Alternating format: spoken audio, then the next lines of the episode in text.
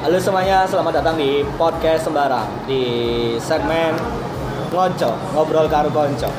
Kali ini bareng sama temen di eh, awal kenal di forum anak, ya forum Ya, anak kabupaten. Eh, boleh dikenali dulu siapa? Halo, nama aku Milna Fitria Mahmuda.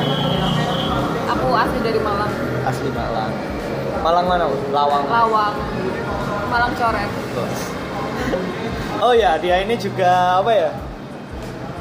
Eh, jadi duta genrenya kabupaten. Alhamdulillah, yeay. Spesial, berarti episode spesial sekali.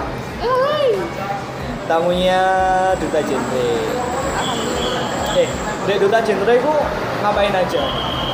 Banyak-banyaknya itu sosialisasi sih tentang yang diutamakan kalau itu pendewasaan usia perkawinan. Soalnya di Malang banyak banget anak-anak yang menikah di usia muda. Kan kita di forum anak ya ada sih anak-anak yang entah karena tradisi atau karena keuangan mereka nikah muda. Atau karena kecelakaan? Oh yes, of course. Berarti paling sering kegiatannya sosialisasi. Heeh. ke sekolah-sekolah ke PIK R ada yang namanya PIK R jadi kayak pusat informasi Konseling. kesehatan Konseling apa kesehatan? kesehatan Oh. Aku dulu namanya konseling soalnya Hmm, di SMP SMA SMP. hmm, Awal aku kenal ke dunia gitu itu pertama dari itu PIK itu. Dari badan KB kan. uh, B- BKKBN Kegiatannya itu sudah kayak ada program kerjanya kayak gitu apa? ada ada sih tapi ku lebih ke dinasnya program kerjanya dinas jadi kita nanti bantuinnya bantuin dinas sama kayak di Laskarana Jelas sekarang anak duta gak sih? Bukan duta maksudnya kayak laskarananya kan Oh. kita kan kerja kan nungguin programnya dinasnya baru kita bantuin kayak bantuin dinasnya buat kegiatan-kegiatan gitu. Tapi kan dutanya ada banyak. Itu biasanya ada nggak kegiatan dari duta itu sendiri kayak gitu? Entah itu catering keluarga Iya. berencana kayak gitu. ada sih kayak makrab jadi abis apa pindah jabatannya udah makrab terus sempat kemarin ngadain kayak buka bersama sama santunan ke panti asuhan itu punyanya dutanya sendiri. Terus ada oh ya kayak outbound. Outbound sama anak-anaknya buruh. Di Dono Mulia itu kan banyak yang orang tuanya ke luar negeri sih anaknya anaknya Oh, buruh. ah, ah. nah itu outbound sama mereka. Dan itu ada oh itu sekarang. Apa beda? Bedanya oh, iya iya lah sekarang aja udah ada itu Nah, saja ya, itu, ininya sama-sama sosial lah. Eh, Soalnya bahasanya kan hampir sama. Kalau kalau sarana anak, kalau kita kan remaja, tapi kita juga meranah ke anak-anak juga. Jadi yang ditekankan itu oh, itu ya eh, angka pernikahan dini itu ya, Eh, mengurangi pernikahan. angka pernikahan dini. Biasanya ke pelosok-pelosok atau daerah-daerah pinggiran kota. Pelosok Malang Coret yang udah kayak pinggiran banget, mulai kayak Jabung, Kepanjen. Kepanjen masih kota ya. Kepanjen masih kota. Hampir Gading. Ada Lawang, pokoknya hampir semua kok. Pinggiran-pinggiran juga kena. Donomulyo ada kok. kirain lawang gue apa yo anak lawang gue mikirnya gak begitu maksudnya lebih parah dari pinggiran atau sama aja Kalau Lawang sih tentunya nggak besar makanya. Wis maju lah ya. Soalnya kan mereka udah mepet mepet mepet hampir dekat-dekat Purwosari Surabaya. ini sadar pendidikan lah orang lawang Iya, benar pendidikan. Kalau di Lawang sendiri sih. Aku anak Lawang tapi juga masih ada kok yang pernikahan dini ada aja. kecelakaan ya kebanyakan ya kecelakaan kalau tahu di sini udah enggak. tapi biasanya kayak gitu nolongin nggak kayaknya sekarang ada anak yang kecelakaan gitu nolongin untuk permasalahan eh, nikahnya gitu ke KUA kan nggak bisa kalau di bawah umur itu KB badan KB ini nolongin apa nggak Enggak sih, soalnya kita masih belum sampai ke sana cuma masih sosialisasi. Tapi kayak tapi kita kalau kan udah kecelakaan udah terlanjur punya anak satu kan ya. Kita cuma kasih tahu kalau sebaiknya itu untuk anak kedua itu dikasih jarak. Soalnya kan mereka itu kenapa harus mendewasakan siapa pernikahan soalnya dari mental, keuangan, pendidikan segalanya kan masih belum siap. Jadi mendingan anak keduanya itu dicegah gitu. Jadi masih bisa mikir gitu juga. tak kirain yo tugasnya duta itu ya kayak kegiatan sosial sosial gitu gitu aja ya Hmm, sosial. Banyaknya sih sosial. Sama Oh. iya kemarin kan hari AIDS sih, AIDS, Ah, AIDS sedunia. iya. Nah itu pagi-pagi itu aku sama anak duta Bagi-bagi penyakit AIDS. Iya enggak lah. Bagi-bagi pengaman nih Bagi-bagi bunga. Kan Oh. kan sasarannya kita kan nggak cuma remaja. Kalau di jalan-jalan kan ada bapak-bapak, ada anak-anak. Terus kan kalau dikasih bunga itu banyak yang suka. Anak-anak itu loh suka. Tapi di bunganya itu kita selipin brosur atau leaflet gitu digulung tentang pendewasaan pernikahan. Di CFD. Enggak di perempatan yang remaja soalnya kan kita kan habis setelah itu ada kegiatan di dinas pendidikan. Nah, dinas pendidikan kan dekatnya itu ada pasar kepanjen perempatan. Jadi sekitar itu kan rapi Oh, pengenku di CFD kakak itu enggak juruan kan. iya kan. Soalnya waktu itu kan juruan steril nggak sih buat yang arema itu? Nah, masih Iya. steril. Makanya waktu itu mikirnya gitu. Nah, kamu nggak ngomong lagi ke Panjen. Kamu kan bisa minta iya ntar kamu kasih ke cewek lain kalau dari kasih Di kampus aktif apa tuh? Oh iya, di kampus jurusan? Keperawatan. D4 profesi. Ya kamu kamu nggak begitu aktif? Ah. bukan mahasiswa aktif di kampus. Alasan ambil keperawatan apa? aku suka dunia kesehatan. Soalnya kan dari kecil orang tuaku di kesehatan. Mainnya aku juga di rumah sakit jadi sukanya di kesehatan. Sehat. Kenapa perawat kok nggak farmasi atau dokter? pengen dokter sih tapi SBM-nya nggak terima dan tidak diberi kesempatan untuk kuliah di swasta dan SBM hanya dikasih di SBM kalau SBM nggak bisa ya udah perawat aja peluang kerjanya juga lebih besar perawat sih Tapi bukannya kalau perawat itu nggak ada kayak kenaikan apa jenjang kayak gitu. Kalau perawat kan udah perawat aja. Walaupun nanti ada perawat khusus. ada kan kan kalau S2 Iya maksudnya kan khusus karena aku ini ngobrol sama temanku perawat itu kalau S2 ada spesifik gitu ya perawat jiwa kayak gitu-gitu mental enggak kalau kesehatan S- mental. S2 habisnya S- S2 spesialis ada sendiri lagi nanti sekolah Ah. beda lagi Tapi kan tetap perawat kan. oh pernah Maksudnya tetap jadi asistennya dosen.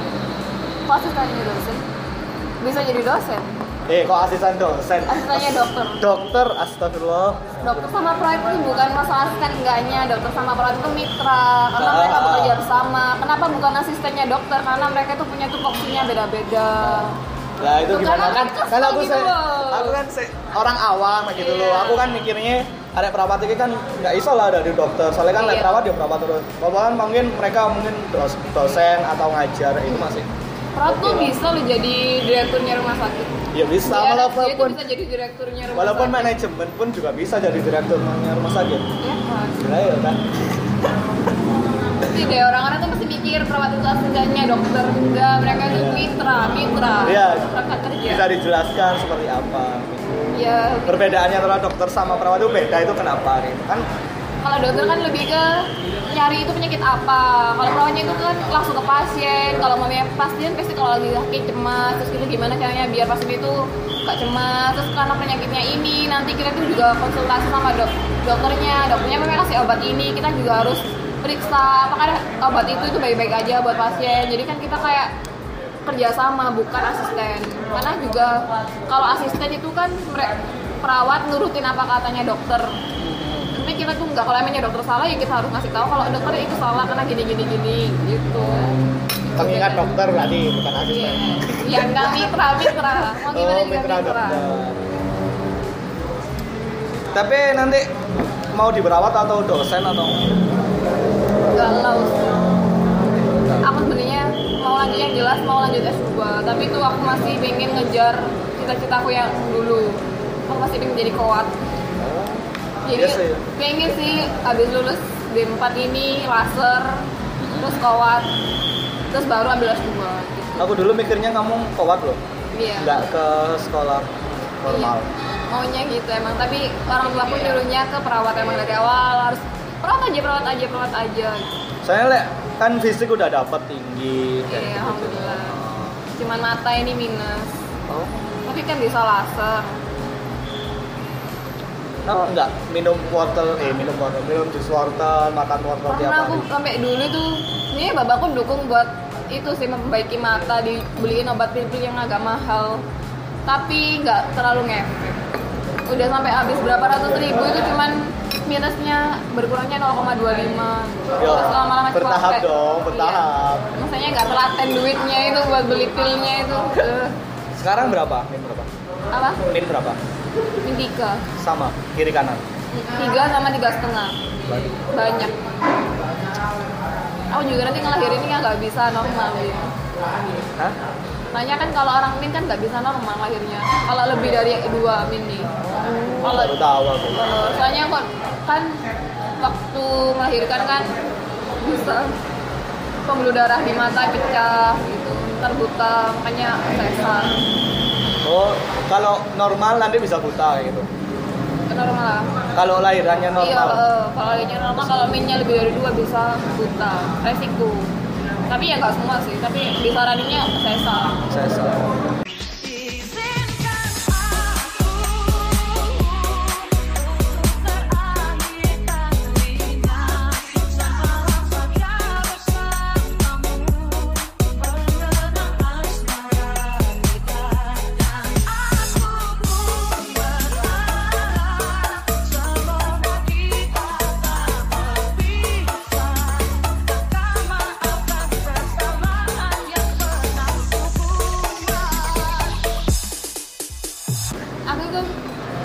banyak tak makin tahun tuh makin banyak malah bisa nambah satu.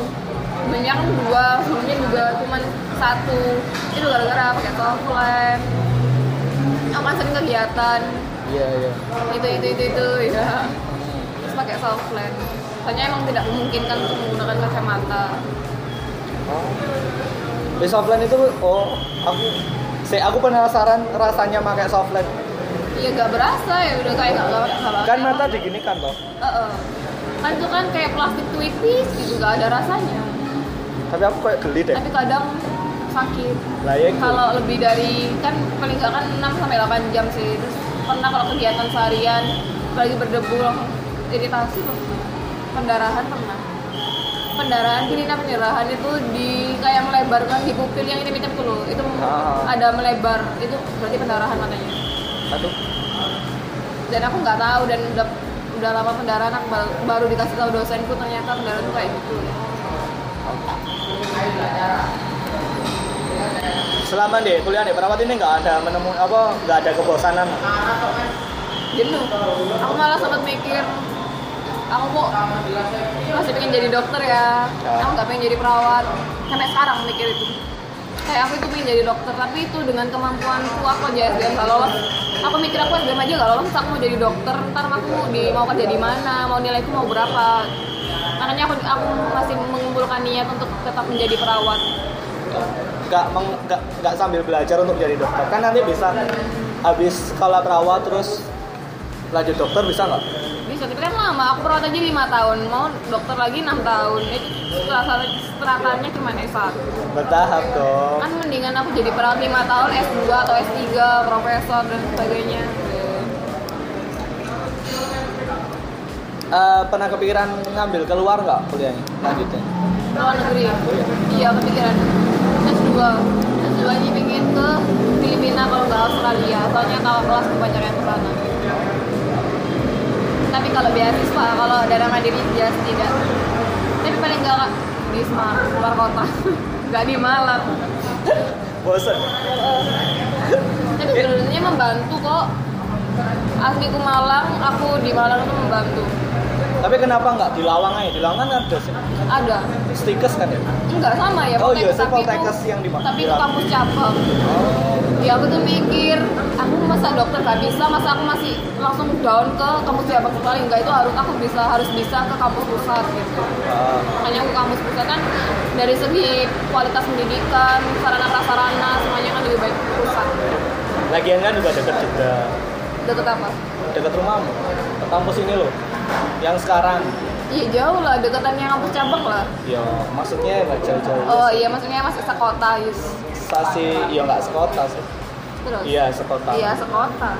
Masih Semalang Raya. Semalang Raya Kemarin pas kuliah, eh, pas daftar kedokteran itu nyoba ke mana aja? UB, enggak UI, aku pengen ke Jember Unek UNED.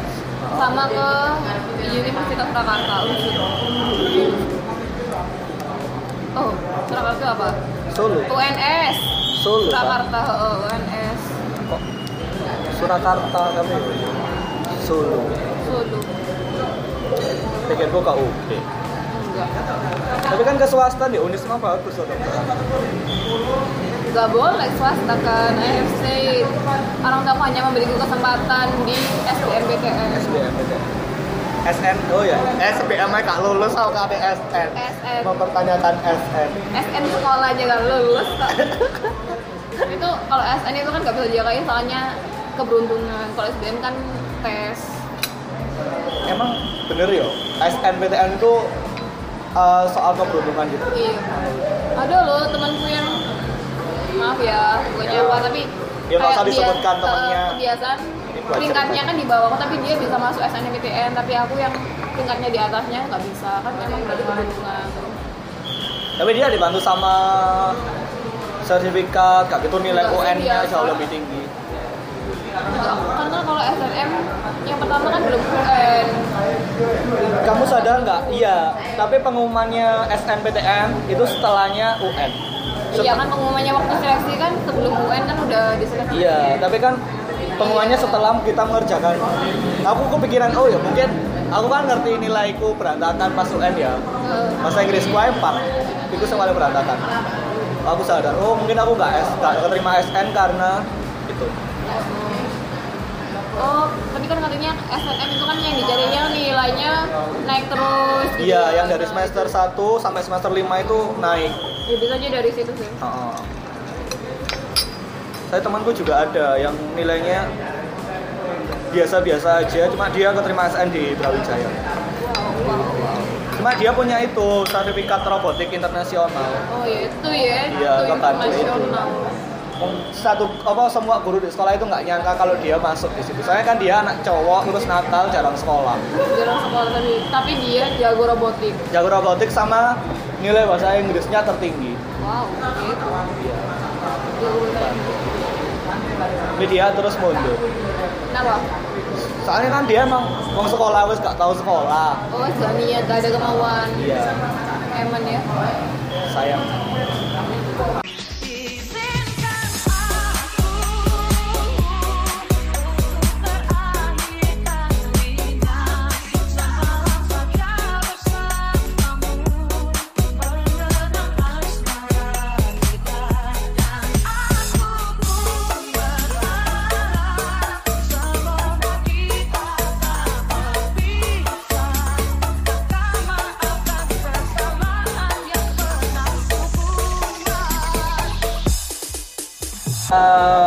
Cerita apa lagi Mil? Oh iya, apa? Aku, aku tuh sering ngerasa kalau aku tuh gak punya prestasi. Tim? Kamu ngeliatnya aku punya prestasi nggak? Saya kira banyak saya melihat dari jadi duta kayak gitu-gitu. Kan nggak cuma sekali ini kan jadi duta. Duta sekolah pun gue bagus sekali loh. Iya makanya itu aku, aku gampang haus prestasi. Kalau mamanya aku habis minggu ini udah selesai lomba ini, terus kayak dua minggu, dua minggu aku nggak ikut lomba, nggak ikut apa apa itu kayak, waduh aku cuman kuliah-kuliah aja, masa nggak ada prestasi gitu, aku kayak merasa gitu. Terus aku mesti nyari-nyari lomba, ada lomba apa ya, lomba apa ya yang sesuai. Pas SMA juga gitu juga. Enggak, baru kuliah ini. Heran sih. Hah, Saya pikir kamu SMA-nya juga anak lomba juga. enggak. Anak organisasi, aku SMA itu sibuk organisasi. Ini, ini, itu. Osis. OSIS pramuka paski Oh, jurnalistik kafe kafe. iya dan aku masalahnya di- agak kentolan gitu jadi sibuk organisasi Sebagai duta sekolah kelihatan ya. aktif sekali semua ekstrakurikuler Iya. diikuti. sampai SMA itu pernah di kan ada temanku yang emang suka bikin lagu gitu ya aku di, bikinin lagu pokoknya liriknya itu gila jabatan harus kayak gitu gitunya tapi emang dulu gila jabatan Sekarang gila sekarang prestasi. gila prestasi Sekarang tak pikir kamu deh, kampus juga aktif. Ternyata Tidak. di kampus itu aku berusaha untuk aktif lagi di organisasi ikut bem eh, seleksi bem udah seleksi terakhir kan ada beberapa tahap seleksi terakhir aku nggak lolos terus ya udahlah emang sekarang cari suasana baru aja gak usah organisasi ikut lomba-lomba yang emang ada hasilnya nyata entah itu sertifikat atau Pengalaman lah yang paling penting sih menurut Yes. Kan kalau udah ikut organisasi, aku kadang tuh mikir kalau udah ikut organisasi kan bertahun-tahun sibuk, kita juga biasanya sibuk banget kan kalau durasi ya dan terus tugas sekolah. dan SK-nya nggak mesti keluar dan kita kan kalau ke dunia kerja sekarang kan kita mikirnya ke kerja aja. Kalau kerja kan pasti perusahaan atau rumah sakit itu butuh bukti nyata. Oh berarti kamu gila prestasi untuk mengejar hal di depan kayak masalah kerjaan kayak gitu? Ya bisa sih tapi sebenarnya itu nggak terlalu aku pikirin sih. Aku cuman aktualisasi diri gitu loh. Oh ingin menunjukkan pada dunia inilah mi Iya, ini aku aku lo bisa gini. Soalnya aku kan, oh karena mungkin aku down gara-gara aku jadi perawat, kan sebenarnya aku ingin jadi dokter. Jadi aku ingin menunjukin meskipun aku perawat itu aku juga bisa punya banyak prestasi. Walaupun nggak di perawat prestasi di lain hal Iya, lain eh, di hal-hal yang lain. Tapi akhir-akhir ini, akhir ini aku banyak gagalnya. Ada tiga duta yang ikutin akhir-akhir ini dan semuanya gagal. Tapi ya nggak langsung gagal di audisi pertama ya, di audisi kedua gagal. tapi sadar nggak kegagalan kegagalannya itu pas apa ya kenapa kayak gitu sadar Iya. apa Kayaknya aku lagi pas downnya kayak udah jenuh. Kadang itu susahnya kalau lomba duta, aku kan belum lomba duta. Kita di awal semangat ya pas audisi, udah audisi 2 3 itu kayak jenuh gitu. Kan banyak beban, harus banyak yang dipelajarin, banyak dihafalin, harus survei ini, ini, ini, ini, ini sesuai dengan bidangnya. Jenuh. Akhirnya gagal. Udah mulai gak ikhlas soalnya. Kalau ikhlas kan Eh, duta kampus Enggak, gagal, gagal aku. Tahap terakhir gagal. Eh, tahap terakhir ngapain itu presentasi program kerja, wawancara, sama debat. biasanya tahapnya pemilihan duta itu seperti apa ya pertama Yang pertama biasanya ada yang tes tulis, ada yang enggak. Biasanya apa tes tulis, kalau yang pertama yang kedua itu wawancara. Terus kalau lomba-lomba tertentu kayak aku yang duta glow itu, itu ada catwalk, ada kecantikan. ya kan duta dulu Iya, saya kan udah kecantikan, jadi ada catwalknya juga. Ya, itu sih, yang penting terus ada bakat. Terus final, finalnya yang debat gitu iya tanya jawab di depan banyak orang atau di depan banyak orang pastinya kalau final. Bakat pun itu juga di depan banyak orang. Kalau wawancara itu biasanya cuma juri, sudah berapa kali ngikutin lomba kayak gitu duanya kan. yang dapat berapa Dapat berapa ya? Akhir-akhir ini ada duta duta SMA itu duta sekolah dulu duta genre juara tiga terus duta glow finalis nah, yang lainnya kayaknya enggak Tapi pertama gosip-gosipnya mungkin pas kamu kita belum kenal, tapi kita harus ngerti aku ngerti kamu di forum anak. Enggak. Eh kabarnya kamu duta lalu lintas. oh iya dulu lupa aku Oh. duta lalu lintas kabupaten juara dua terus sama provinsi provinsi enggak sampai menang sih Itu duta lalu lintas aku penasaran. Ngapain? Apa? Ngapain lah? aku sih belum hasil nyata sih kalau yang di provinsi biasanya kita sampai mempelajari titik butanya sebuah truk you know jadi kita jadi di sana dijelasin kayak truk itu ada titik butanya jadi kita harus menghindari kayak gitu gitu terus kayak garis-garis di jalan itu yang putus-putus berarti apa? Ada yang putus-putus sama garis-garis itu berarti apa? Garis kuning itu apa? Terus kayak rambu-rambu lalu lintas kan ada yang biru merah hijau berarti apa? Gitu gitu, gitu. Oh dulu pas ngerti kamu dari duta itu aku pengen ngobrol soal usulanku. Apa? SIM untuk pelajar. Oh, SIM untuk pelajar. Solusi atas eh, kan banyak sekali anak SMP maupun SMA yang belum di bawah 17 tahun yang udah pakai motor. Lah, itu aku mau punya usulan SIM pelajar yang radius dari sekolah atau dari rumahnya itu sekitar 100 km eh 50 km dari rumah atau dari sekolahnya. Kalau aku sih pribadi gak setuju sih meskipun Ah. itu jaraknya cuma 100 sampai 200 tapi kalau mereka melewati jalan besar kan bahaya. Soalnya kalau di masih di bawah usia segitu kan mereka kan masih belum mateng, masih kadang ugal-ugalan yang 17 tahun itu juga masih kebut-kebutan apalagi yang di bawahnya itu. Jadi nggak aman, nggak safety buat mereka. Tapi mending lebih baik diserifikasi dulu daripada nggak sertifikasi tapi mereka sudah langsung naik motor kan tanpa kita sadari. Tapi kalau kita kasih kesempatan mereka buat sim pelajar kan malah banyaknya kayak gitu, malah bahaya banyak kecelakaan, angka kecelakaan di jalan lintas makin banyak.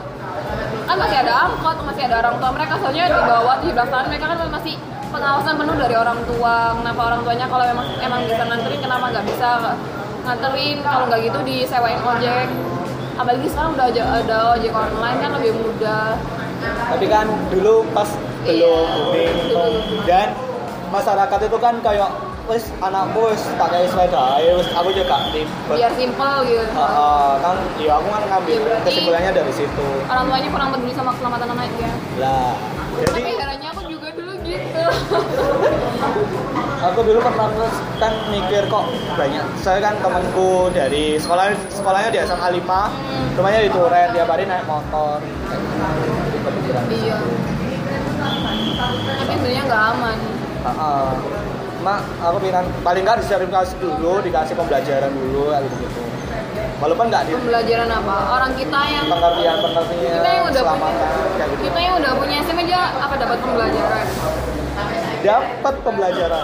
apa dari mana Kamu dari belajar internet waktu kita tes tulis mau SIM itu emang sekarang tes tulis? Enggak deh. Kamu pakai pakai tes apa enggak? ada tes tulisnya oh kamu nggak pakai ya oh kamu Eh. oh, kamu nyogok Aku gagal eh, aku gagal terus. Soalnya sekarang itu harus nggak ada tes tulis. iya zaman dulu masih Sekarang ada. sekarang pakai komputer. iya maksudnya Dan iya, nggak iya, ada soalnya di di Google nggak ono. Cuma simpel kok soalnya. iya simple Mengecoh cuma. aku ya pakai komputer tapi kan maksudnya menjawab soal Ah. nah Oh gagal di angka 8 ya itu susah emang aku tahu kali. Kesenggol dikit ya gagal sampai sekarang. dan nyampe bolak baliknya kan antri sih Ya rumahmu deket Aku- enak. Oh iya sih. Rumah Lu aku yang deket aja aku jam 6 sampai situ. Kan tes kesehatan dulu sih, habis tes kesehatan cari formulir udah kehabisan coy. Jadi Oh, jamu sekarang kalau sekarang itu nggak sampai kehabisan. Bener-bener ada Kan sampai jam ya? jam 10. Di masih biasanya dibatasi berapa formulir deh. Iya dulu. Sekarang pokok jam 10 itu udah tutup untuk pengambilan formulir. Oh. Sudah mulai berbenah. Dan sekarang wanita sekarang didahulukan. Ada antrian wanita sendiri. Enak. Baru tahu aku sih. Tapi masih banyak ya menurutku kok sing apa lewat belakang ya. Ya iya lah banyak banyak mereka nggak mau ribet, nggak mau antri, nggak mau repot-repot nungguin buat tes itu motor sama tes Sama uangnya mereka lagi banyak. Iya. Kadang-kadang kayaknya kebanyakan mereka tuh sibuk, entah sibuk kerja atau keburu kepepet waktu kuliah, ke sekolahnya. Tapi kan sekarang mereka harus ke sana untuk foto ternyata. Eh, eh, Soalnya aku pernah pas aku buat SIM waktu itu ke sana orangnya padahal bareng aku ngumpulkan formulnya bareng. Jadi kan hitungannya nomornya kan bersebelahan. Uh, uh. Pas aku dipanggil untuk tes ke dia udah foto. Loh, foto dulu terus Oh, kan uh. masuk ke ruang komputer. Udah foto, fotonya bareng setelah aku sama bapaknya sebelah. Uh. Pas aku ke komputer, bapaknya nggak ke komputer, masuk ke belakang ngobrol sama polisinya. Aku wah Loh, kalau bapak-bapak bukannya mungkin perpanjangan aja. Loh, kalau per- perpanjangan itu nggak difoto, fotonya yang di ruangan bawah. Oh, beda ya? Nah, like, kalau di ruangan baru itu sekarang di lantai dua. Hmm. Jadi kan aku mikirnya, oh orang ini kelihatan. Ya kan orangnya sibuk, udah mungkin udah bapak-bapak udah punya duit, udah punya gaji. Ya mungkin, tapi yo ternyata masih banyak. Polisinya berarti masih nerima dong, walaupun Iya. bilangnya Iya, polisinya maksudnya mau memudahkan bapak-bapak itu. Ya kolega. pikir positif aja, polisinya mau membantu gitu. Membantu orang yang kesusahan untuk melakukan tes. Tapi aku pas pas apa ya, pas mau bikin itu di depan itu ditawarin juga. Mas mau bikin Masa? SIM ya, mau bikin SIM C. Ini ada Mas 600 mau nggak? Terus ada yang nawarin. Iya, Aku di malah nyari depan, nggak ada akhirnya. Nih. Depan. Di depan. apa? Depan gerbang. Wah, Biasa gitu. Terus mahal ya sekarang 600 ya. 600. Makin lama makin mahal. SIM mobil satu. Satu, nggak 1,2. Ada yang 1,2, ada yang satu. Pernah pas aku bayar pajak motor itu ada orang bikin SIM mobil itu 700. Aku nih, hah? Dikolang lagi. Oh. Sama orang di Zoa yang ngurusin pajak. Terus dia bilang, nanti tapi sampean besok ke sana kamu nggak mendengarkan. Gak mungkin kan aku langsung menceramai mereka. Iya kan kita nggak punya hak dan mereka lebih tua, nggak mungkin menerima ceramah kita yang masih anak-anak. Kecuali aku gubernur Iya. Jadi gubernur ya, habis ini biar bisa didengarkan makanya butuh menjadi orang yang berdaya Oh. kayak anu ya baterai Iya, ada dayanya daya positif dan negatif yang kamu kejar di depan apa kamu? Apa hal yang kamu kejar di depan sehingga kamu sampai sekarang itu mau kuliah mau apa haus prestasi hal yang kamu kejar di depan itu apa sih ya itu kan Biasa aku ingin memperbaiki kualitas hidupku gitu.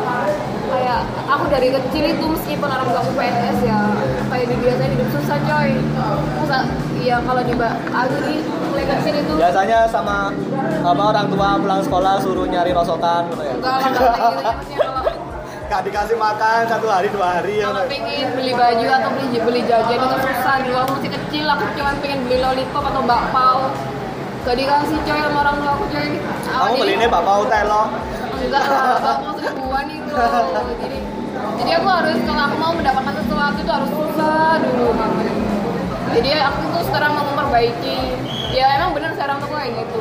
Iya sih. Ya memperbaiki aja kualitas hidupku yang akan datang untuk anak-anakku Sebagai anak-anak ya Iya dah, kita udah umur berapa? Aku udah pengen nikah aja ini. kamu umur berapa sekarang 20 19. 19 Iya. kamu 2000 Oh. Masih muda nggak naik ke. saya kira sudah 20 Soalnya akan udah dewasa gitu. Ah, ah. tak kira udah 19 jalan 20 jalan 19 jalan lah. Aku sih 19. ini nggak maksudnya jalan ke 20 Iya, jalan ke 20. bulan berapa sih Bulan satu. ya, Kayak males gitu. Tapi paling gak aku mulainya di tahun 2000. Eh, iya Meskipun Januari. tanggal masih, satu masih kelihatan tuh enggak enggak lah tentunya sama aslinya mau tanggal satu. Udah ibuku udah mulus-mulus pengen lahirin tapi aku lilitan tali pusat kaki. Jadi susah keluar. Akhirnya tanggal 10 itu. Tadinya 14 Februari lahirnya enggak lah 10 maunya ya gitu biar Valentine ya. Namanya na- nama aku jadi gak jadi Milna jadi Valentine. Emang Milna itu arti dari nama Januari? Enggak. Enggak fitrinya maksudnya Oh. fitri. Kalau tuh Januari tahun 2000 itu kan waktu lebaran fitri idul fitri makanya namanya aku fitri gitu. Biasanya dulu lebaran sampai Januari. Januari udah lebaran iya. Untung pas lebaran kalau pas Ramadan namamu Ramadan. Ramadhani Lah kan Ramadan ini kan nama cewek. ya masa Ramadan Kan ya aku Ramadhani. Ramadan Ramadhani. Iya. Ramadina. Udah Mbak Sania Iya, Sania Ramadhani. Sania Ramadini ya Oh, Ramadini. Iya, itu kan mesti bisa jadi cewek. Bukan Ramadan. tapi kamu pas lebaran ngono ono perayaan ulang tahun nggak? Ya kan lebarannya maksudnya enggak Januari, Joy. Ya enggak kan lahirmu kan hitungannya kalau menurut Enggak. tanggal apa kalender Islam Enggak lah, enggak ada. Tidak penganut kalender Islam kalau ulang tahun. ya tapi 2000 Ya kan yang penting 2000 aku kelihatan sudah. 2000 aku 2000. ya makanya no sik kelihatan umur 20 kan Iya sesuai umur lah ya paling enggak enggak kelihatan kayak umur 25. Ya tapi ono nggak sih yang bilang ah, enggak sih. Yang ada yang bilang waktu aku SMP udah udah ditanyain kuliah mana mbak gitu. Tapi itu bukan karena face, men, karena bentuk tubuhku yang gede dan tinggi. Oh iya, tinggi. Iya, Iya, udah ditanyain kuliahnya.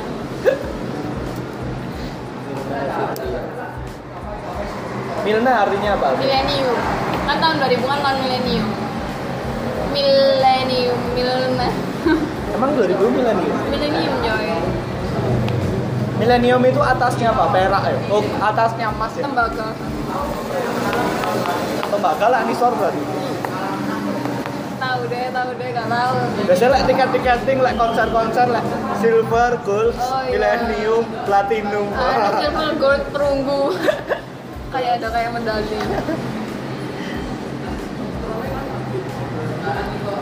Eh, habis ini mau ngapain aja? Masih mau kayak kemarin-kemarin masih masih mau mengikuti duta-duta atau nyoba hal-hal yang lain? Kayaknya aku mau ikut yang lain, aku capek duta kan. Karena mereka itu nggak satu kali lomba langsung menang atau langsung pengumuman nggak kan bertahap terus aku kayak capek. Misalnya buat waktu yang lama aku pengen ngelanjutin aku yang dulu ke baca berita sama presenter atau news anchor kan dulu aku juga ikut lomba baca berita Lu nggak bikin podcast aja? kuliah ini ah, masih belum kejalan aku sekarang lagi fokusnya ke konten YouTube Oh, itu konten YouTube-mu apa kok? makan yang paling banyak itu beauty sama food Nama konten YouTube-nya? masih nama aku Milna Fitrian Minla FM itu. iya Kok nggak pernah promo YouTube-nya? Soalnya masih masih belum bagus, benar-benar bagus gitu Iya, kontennya masih kan. berantakan. Namanya juga berkarya untuk pertama kali pastinya jelek ya. Iya sih. Emang tapi- podcastku kamu lek pernah pertama dengerin lah Heeh, heeh. nggak jelas kenapa Mbak Devi ngomong apa Heeh. nggak jelas sekali Iya, tapi langsung udah. Aku belum berani sih kalau promosi itu. Masih promosi yang di IG. Hanya ada beberapa video YouTubeku yang aku posting di IG dulu. gitu. Aku kayak nungguin responnya itu kayak gimana, apa mereka tertarik atau gimana.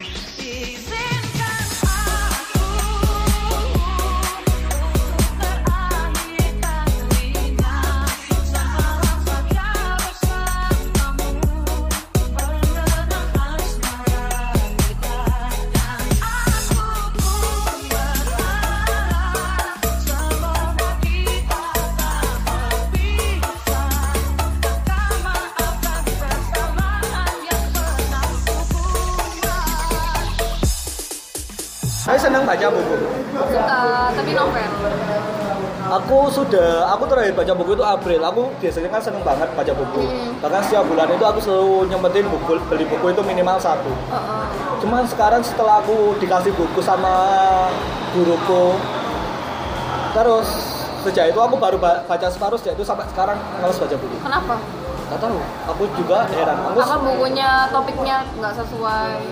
Sebenarnya topiknya itu orangnya itu guruku itu ingin memotivasi aku untuk jadi pengusaha. Kan aku cerita untuk ingin buka usaha.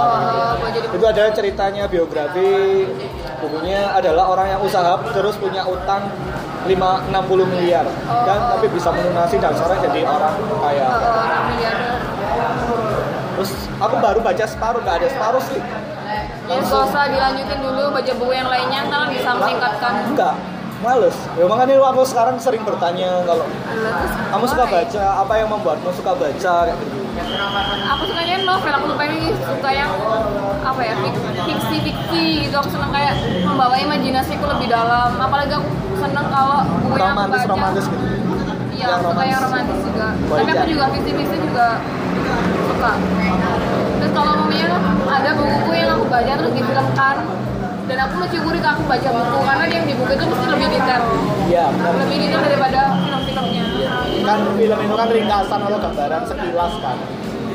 Aku sebenarnya bisa apa ya rasa banget gitu. Mamanya sedih aku ikutan nangis gitu kan. Kalau mes lagi posisi-posisinya aku bisa ikutan kakak-kakak sendiri. Kayak aku, ngera- aku ngerasain aku jadi tokohnya gitu. Ya karena romes dalam kehidupan nyata aku ya gitu Mana relate dengan kehidupan Iya. ceritanya. Waduh. aduh langsung kayak oh oh mirip banget Oh iki aku- ini cerita aku. ya aku ini aku gitu. Aku nggak tahu gimana caranya membagikan semangat baca. Padahal aku waktu itu membagikannya dengan main Twitter, dengan kan sering baca Oh, baca artikel. Kalau baca buku sekarang kayak kadang ke Gramet wes niat dari rumah untuk beli buku itu wes lihat-lihat itu pas. Ya lihat dulu kamu sering buku baca buku apa terus yang dibaca lagi atau buku yang mirip-mirip kayak gitu dibaca lagi? Aku itu orangnya gini setelah aku baca buku bukuku tak kasihkan ke temanku. Kayak temanku minjem wes gak usah dipinjam. Gak usah dipa- dikembalikan bawaan nanti siapa tahu ada yang mau minjem karena kan aku udah baca. Kadang aku udah baca dua kali. Kadang kan lupa. Aku koleksi buku aku btw aku tak bagikan. Sekarang ada sih beberapa. Kadang cuma tinggal gitu. lima nggak salah sekarang kadang tak pinjemin terus mau kawan nggak usah wes taruh terus bawaan lah. Di rumah nggak ada yang suka baca soalnya. Kalau di rumah aku banyak yang suka baca. Tapi beda-beda. Mbakku sukanya komik aku sukanya novel. Bapak ibuku sukanya kayak koran. Enggak malah enggak baca koran. Sukanya kayak cara berternak dulu. Itu cara menanam cara menanam kangkung yang benar kayak gitu gitu ternak ayam jawa kan ayahku juga sampingannya selain di kesehatan jadi peternak. Ternak apa? banyak ada bebek angsa apa hewan peliharaannya banyak. Wali, Nona minta angsa tapi herannya bapakku itu meskipun ternyata pertanyaan banyak gak ada yang mau dijual. Meskipun ada orang yang tanya apa ini saya beli berapa? gitu gak dijual. Soalnya sayang. Kan dirawat mulai dia makanya ayam Tapi nanti ayamnya- dimakan. iya tapi dimasak. Mending dimasak sendiri daripada tapi itu kadang ya ada acara selamatan gitu kan ibuku tuh bilang yaudah pak anu ini beli ayam itu. Beli ayam beli di pasar ya beli di pasar. Yang di rumah itu enggak dimakan enggak dimasak Soalnya biasanya kan lek di orang desa itu lek memelihara itu biasanya memelihara ternak ayam kayak gitu. Disembeli pas mau ada acara selamatan, Oh, mau iya. lebaran kayak gitu. bapakku nggak bakal bawa saya kasihan gitu Sayang sekali. saya kan merawat merawat dari dia kecil Jadi biasanya beli oh langsung ternak beli pasangan gitu terus yang kecil dirawat sampai besar. Eh, dulunya malah kalau ayam dulu awal-awal langsung beli banyak Beli yang itu warna-warni seribuan itu. enggak lah nggak tahu sih. Aku nggak ngikutin sih kalau itu. Makanya beli banyak sampai anak-anaknya banyak banyak. Dan karena kan ternaknya bapakku itu kan di rumah yang nggak deket sama rumahku. Nggak deket rumah induk dan itu di perumahan yang sepi. Udah ada ratusan ayamnya dan itu dicuri diracun sama orang. Apalagi kan itu kan rumahnya kayak masih belum pageran permanen.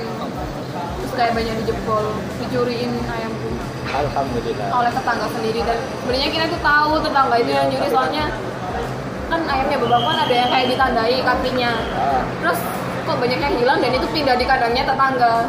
Wah. ya loh itu kan ayamku kan bapakku yang dari kecil merawat kan hafal gitu. Itu kayaknya ayam ayamku. Tapi orangnya nggak mau ngaku. Ya udahlah ya kan hanya ayamku kan juga ternak itu buat hiburan. Hiburan Melepaskan kerja. penat stresnya. Setelah kerja langsung ke ayam makanya kan anak-anaknya jarang pulang Oh, loh kamu dari SMP SMA rantau terus. enggak aku SMA aku SMP SMA tuh jarang pulang banyak kegiatan organisasi tuh loh jarang pulang pulang-pulang kadang udah malam gitu SD SMP di Lawang semua. ada SMP SMA lawang Oh iya, saya SMP di Lawang. Asli Lawang kamu? lawang Orang tua juga semua. enggak orang tua perantau semua kayak aku Bojonegoro ibuku Blitar Oh. ketemunya waktu sekolah di Lawang sekolah perawat gitu Akhirnya tinggal di Lawang. Heeh, kan habis lulus sekolah itu langsung diterima di RSC Oh, makanya Makanya- rumahnya deket. di rumahnya kan rumahnya pegawai itu Oh. dulu kan pegawai-pegawai dapat jatah ini dipotong gaji rumah Ah. Gitu, makanya rumahnya di situ Oh. Tak kira kamu asli Lawang sih. Ya kamu asli Lawang sih. iya aku asli Lawang aku lahir di Lawang di Malang ya Saudaramu itu wes nikah? kakakku ah Ah. belum baru lulus kuliah kemarin Oh, kirain udah. Umur berapa sih? umur 21 baru Jaraknya mas tahun. iya jadi kakakku itu habis lahir terus gak lama kemudian mamaku udah kegelusupan aku. Jadi aku sebenarnya tidak direncanakan. Tapi aku aku lahir. Kakakku sebenarnya ada dua. Yang satunya kelahiran 91 nah sekarang umurnya 26 27 tapi udah meninggal waktu umur 17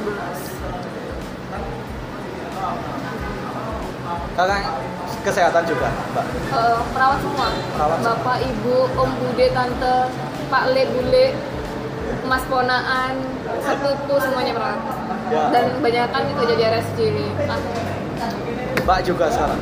Eh, mbak belum kerja soalnya baru kan kalau perawat itu habis lulus itu masih ada ujian kompetensi kayak ujian Ya. nasional dan itu ujian nasionalnya itu baru kemarin ini jadi belum bisa kerja kalau belum ujian nasional Oh, bukannya kalau perawat eh, S1 ya yang langsung masih profesi dulu. Eh, S1 sekarang wajib profesi dulu Kalah lama yo. Heeh. Sik kuliah 4 satu tahun empat tahun tambah setahun ya, tapi kan mereka nanti stratanya lebih tinggi profesi itu stratanya itu di bawahnya S2 di atasnya S1 Oh, di tengah-tengah S2 S1 lah. Heeh. Izinkan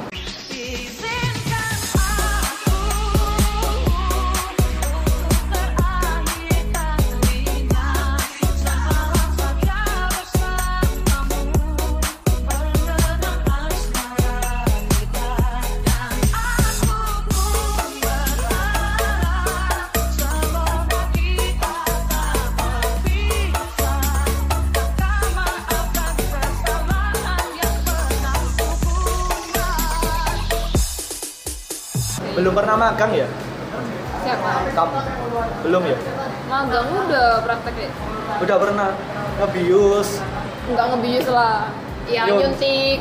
Nyuntik pasang infus. Eh kok pasang ngebius? dia masang infus. Ya ampun ngebius. ya pasti nggak kenapa-kenapa dibius. Ya masang Bius. infus. Udah pernah ya? Pernah. Dia kemarin tuh baru praktek di mana? Di RST RST oh rumah sakit Supraun ha. Masih pertama. Gimana perasaannya ma- pertama kali magang itu? Soro. Kan biasanya lek arek magang itu pasien kayak gak yakin apalagi luar enggak lah untungnya pasienku seneng-seneng aja sih aku malah malah ada yang habis jadi pulang ngasih aku mbak ini buat makan cemilan gitu. Terus ada yang bilang kan nyuntik kan langsung diinfus sih kalau di rumah sakit terus kan sakit. Mbak pelan-pelan gitu aku jadi pelan-pelan aduh mbak ini ternyata sabar ya gitu langsung seneng kah itu kan ada yang dipuji hal yang tidak memuji ada? Ada jadi pernah ya kan nyuntik kan berat sih stepnya itu berat kan makanya dorongnya berat. Terus kan aku masih awal masih belum kebiasa jadi aku muncrat dulu obatnya. Ini obatnya marah-marah coy. Mbak jangan mentang-mentang saya BPJS mbaknya obatnya sampai tumpah-tumpah kayak gini. Kan ngangkat Oh BPJS god, saya nggak mau gitu pak. Ya kayak emang emang emang berat banget dorongnya. Dan kalau nggak kebiasa, si awal-awal memang muncrat. Seru. berapa bulan ke mana mana tiga bulan Enggak lah, tiga minggu. Tiga minggu itu udah aku udah mikir aduh aku, aku apa mau ngelanjutin jadi perawat ya. Kerja itu berat. Makanya aku lebih senang kuliah. Masih lebih senang dunia kampus maksudnya. Makanya aku kepikiran lanjut S2 itu ya itu. Ini ya kampus materi atau pas praktik Ya materi praktek. atau hanya ketemu teman-teman Ya, aku suka suasananya juga sama.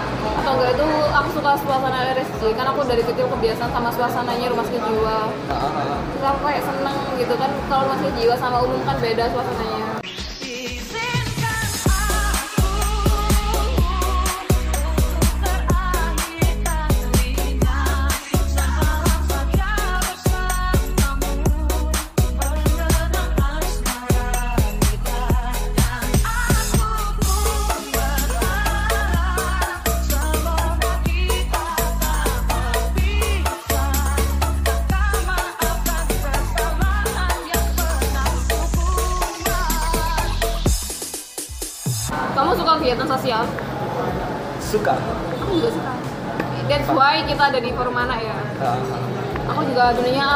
Kita sosial. bertahan di forum anak Ada kegiatan sosial lainnya tapi nggak sempet ke canda.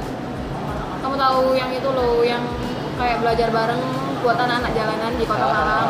Aku sempet ikut itu. iya Lu yang pernah- tiap Jumat bagi susu ya Eh, yang itu sebenarnya setiap hari ada, setiap hari ada. Tapi Jumatnya bagi susu terus hari Senin Selasa ada kayak forum sama anak-anak belajar bareng. Jadi kita kan mereka kan juga sekolah SD, banyaknya SD kita ngajarin pelajaran SD gitu. Ilmunya banyak tapi itu sih sosial pokoknya terjun ke masyarakat sama ngebantu manfaat lah Dan sesuai ilmunya di genre kan kayak gitu sih. Dan itu sangat membantuku sekali dalam hal public speaking.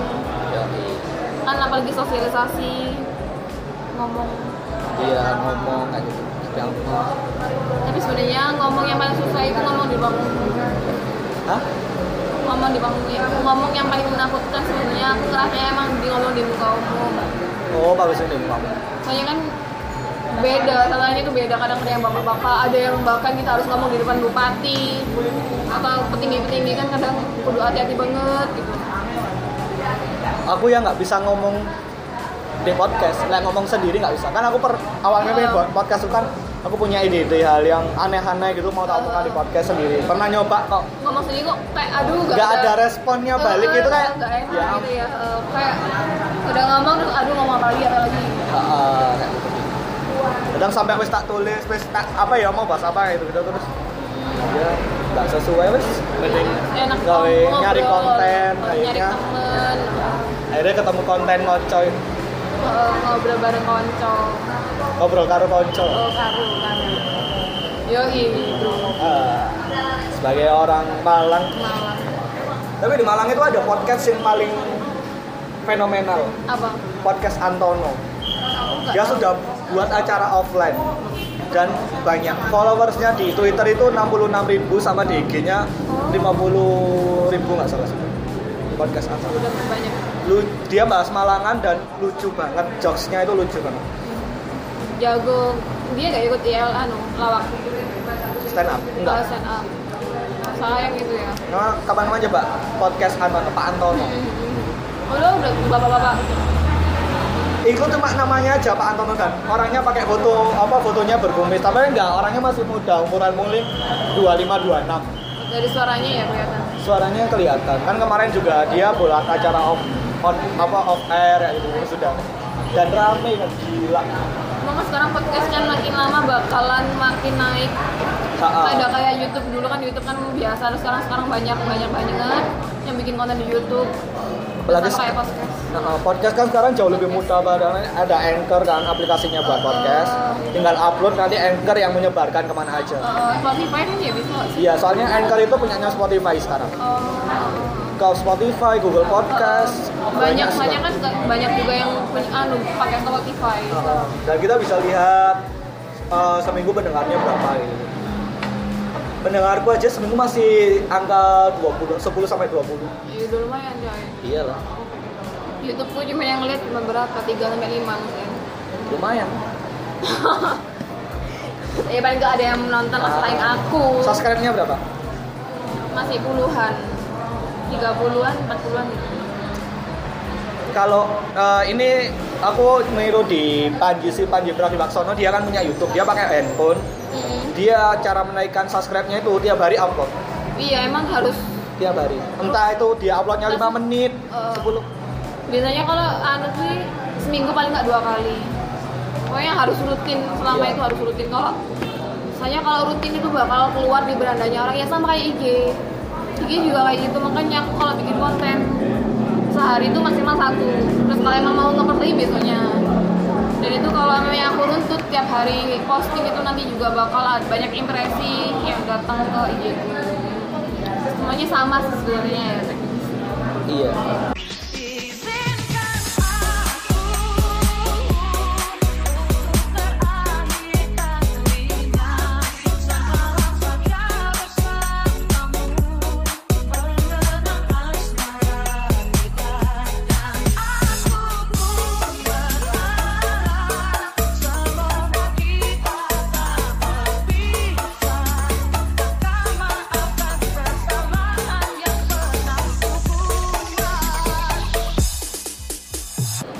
cukup?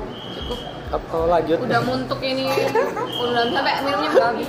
Eh, oke terima kasih teman-teman sudah mendengarkan. Sampai jumpa kembali di episode selanjutnya. Kalau tahu eh kalau tahu. Kalau pengen tahu Milna di Fitria Milma di IG Instagram YouTube-nya YouTube-nya? YouTube-nya Milma Fitria Mahmuda. Oke, eh, dan jangan lupa follow Twitternya podcast Sembarang ya di @po Sembarang. Sampai jumpa di episode selanjutnya. bye bye